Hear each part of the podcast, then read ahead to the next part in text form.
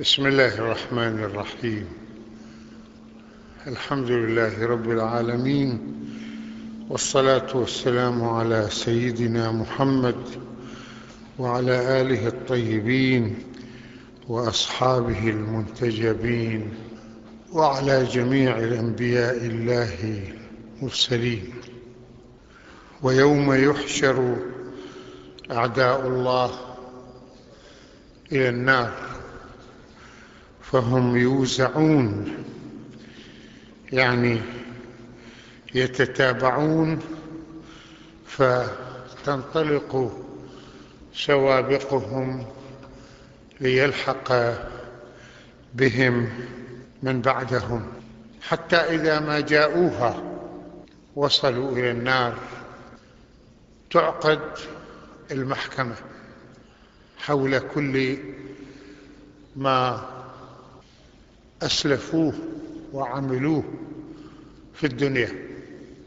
ولكن الشهود في الآخرة يختلفون عن الشهود في الدنيا. فالشهود في الدنيا هم من البشر الذين رأوا الإنسان وهو يقوم بالخطيئة أو سمعوا منه ذلك أو لمسوا منه ذلك.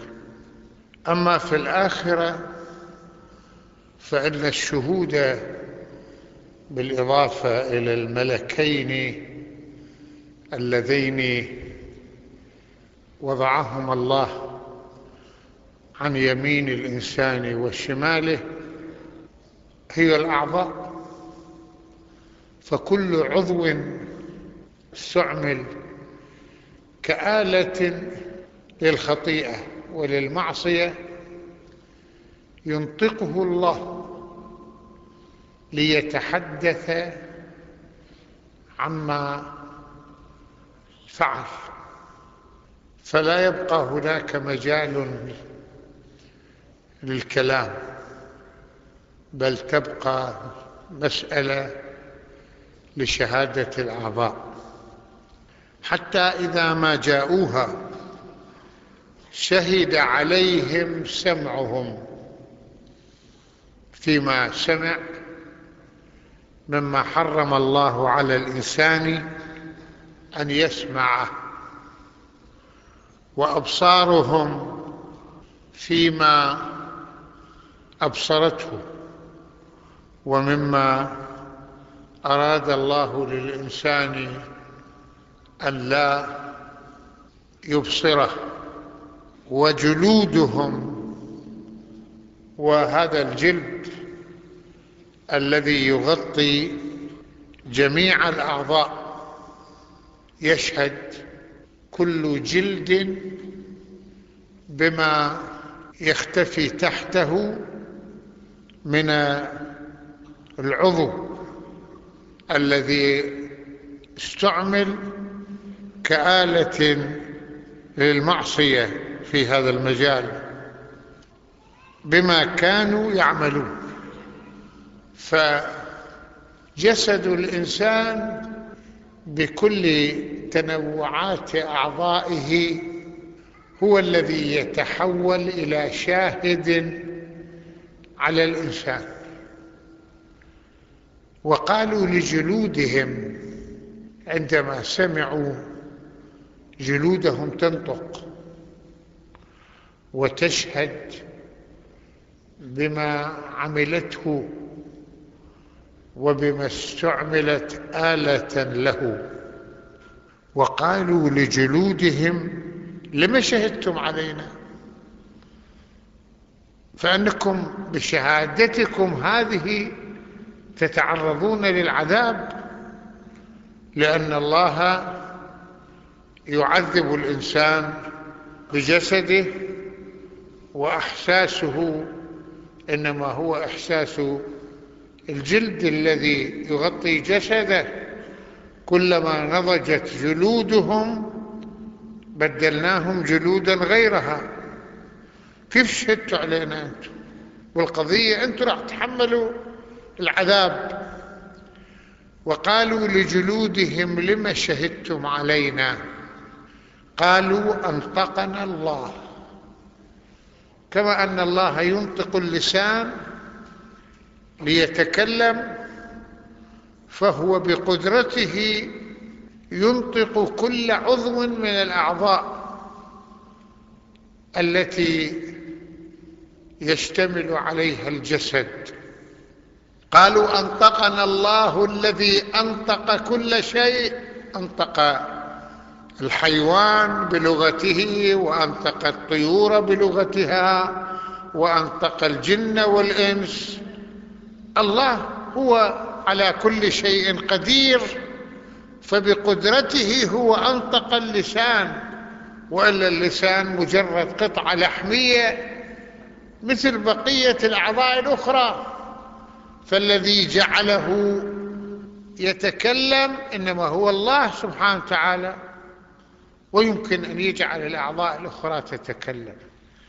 قالوا أنطقنا الله الذي أنطق كل شيء وهو خلقكم أول مرة. فأنتم تتحركون بقدرته من خلال خلقه على أساس ما أودع الله في كل عضو مما خلق بطريقته الخاصة. وإليه ترجعون لتواجهوا الموقف بين يديه فإن الله لم يخلقكم عبثا. أفحسبتم أنما خلقناكم عبثا وأنكم إليه لا ترجعون؟ فالله هو الذي يبدئ الخلق وهو الذي يعيده وهو الذي يجزي الإنسان ما عمل إن خيرا فخير وإن شرا فشر. وما كنتم تستترون أن يشهد عليكم سمعكم ولا أبصاركم ولا جلودكم. يعني كنتوا أنتم تتخبوا إذا أردتم أن تعملوا عمل سيء تخجلون منه. أو تخافون منه فأنكم تستترون من الناس الذين يسمعونكم أو يبصرونكم لأنه تعتبروا أنكم إذا جلستم في عزلة عن الناس فلم يكن هناك من رأى ولم يكن هناك من سمع فأنكم تشعرون بالأمن. في هذا المجال ولكنكم لا تفكرون أن يستتر الإنسان من عينه وأن يستتر الإنسان من أذنه وأن يستتر الإنسان من يديه ومن رجليه. ما كنتم تتصوروا هيك؟ وما كنتم تستترون أن يشهد عليكم سمعكم؟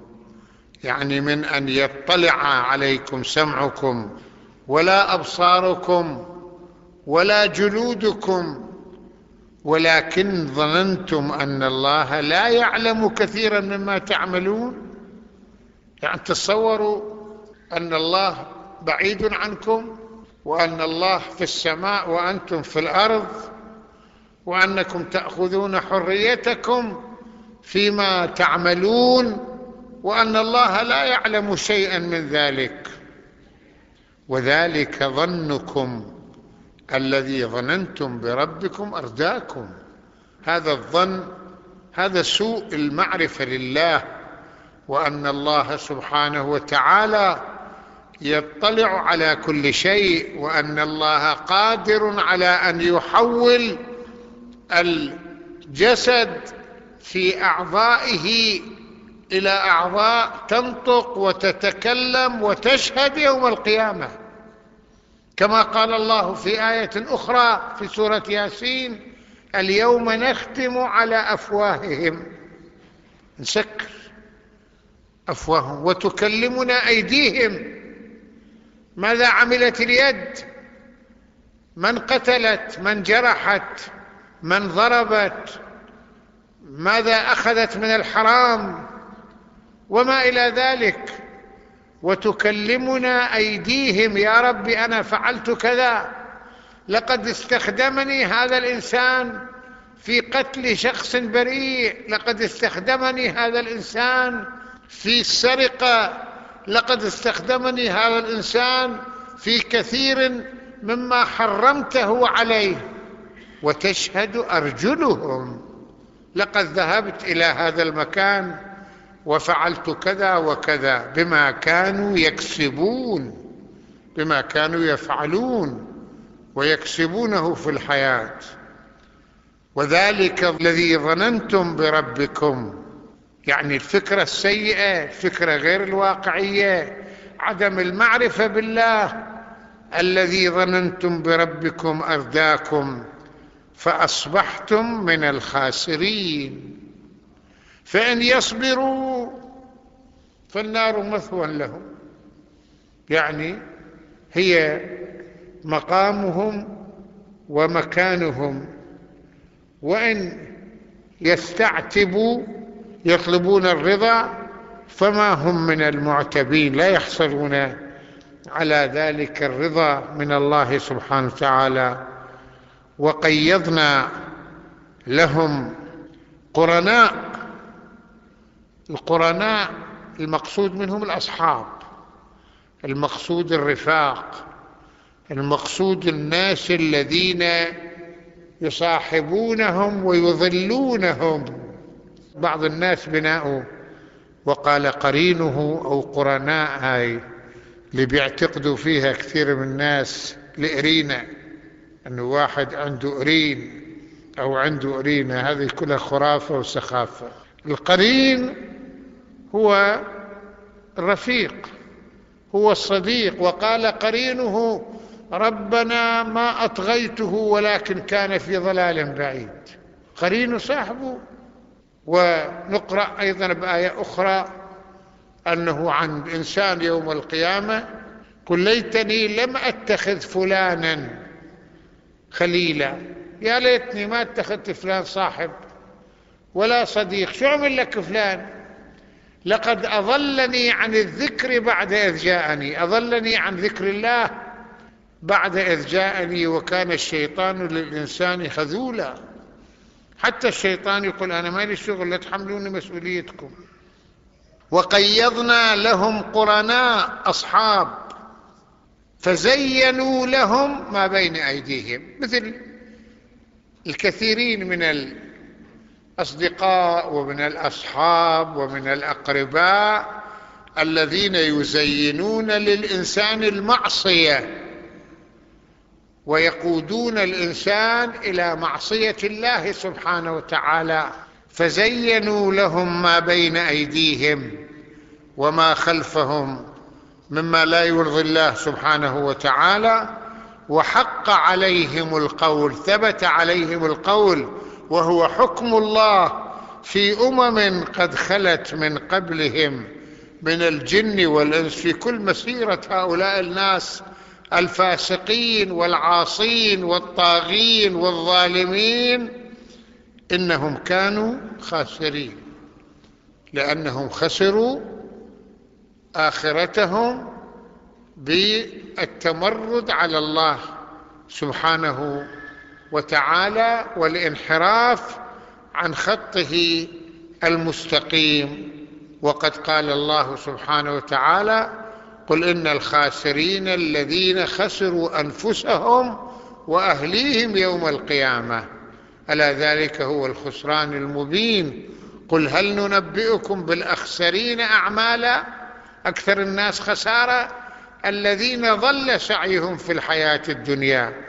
يعني الذين ساروا في المتاهات التي تبعدهم عن الله وهم يحسبون بناهم هن على خير وهن الصالحين وهم يحسبون أنهم يحسنون صنعا والحمد لله رب العالمين.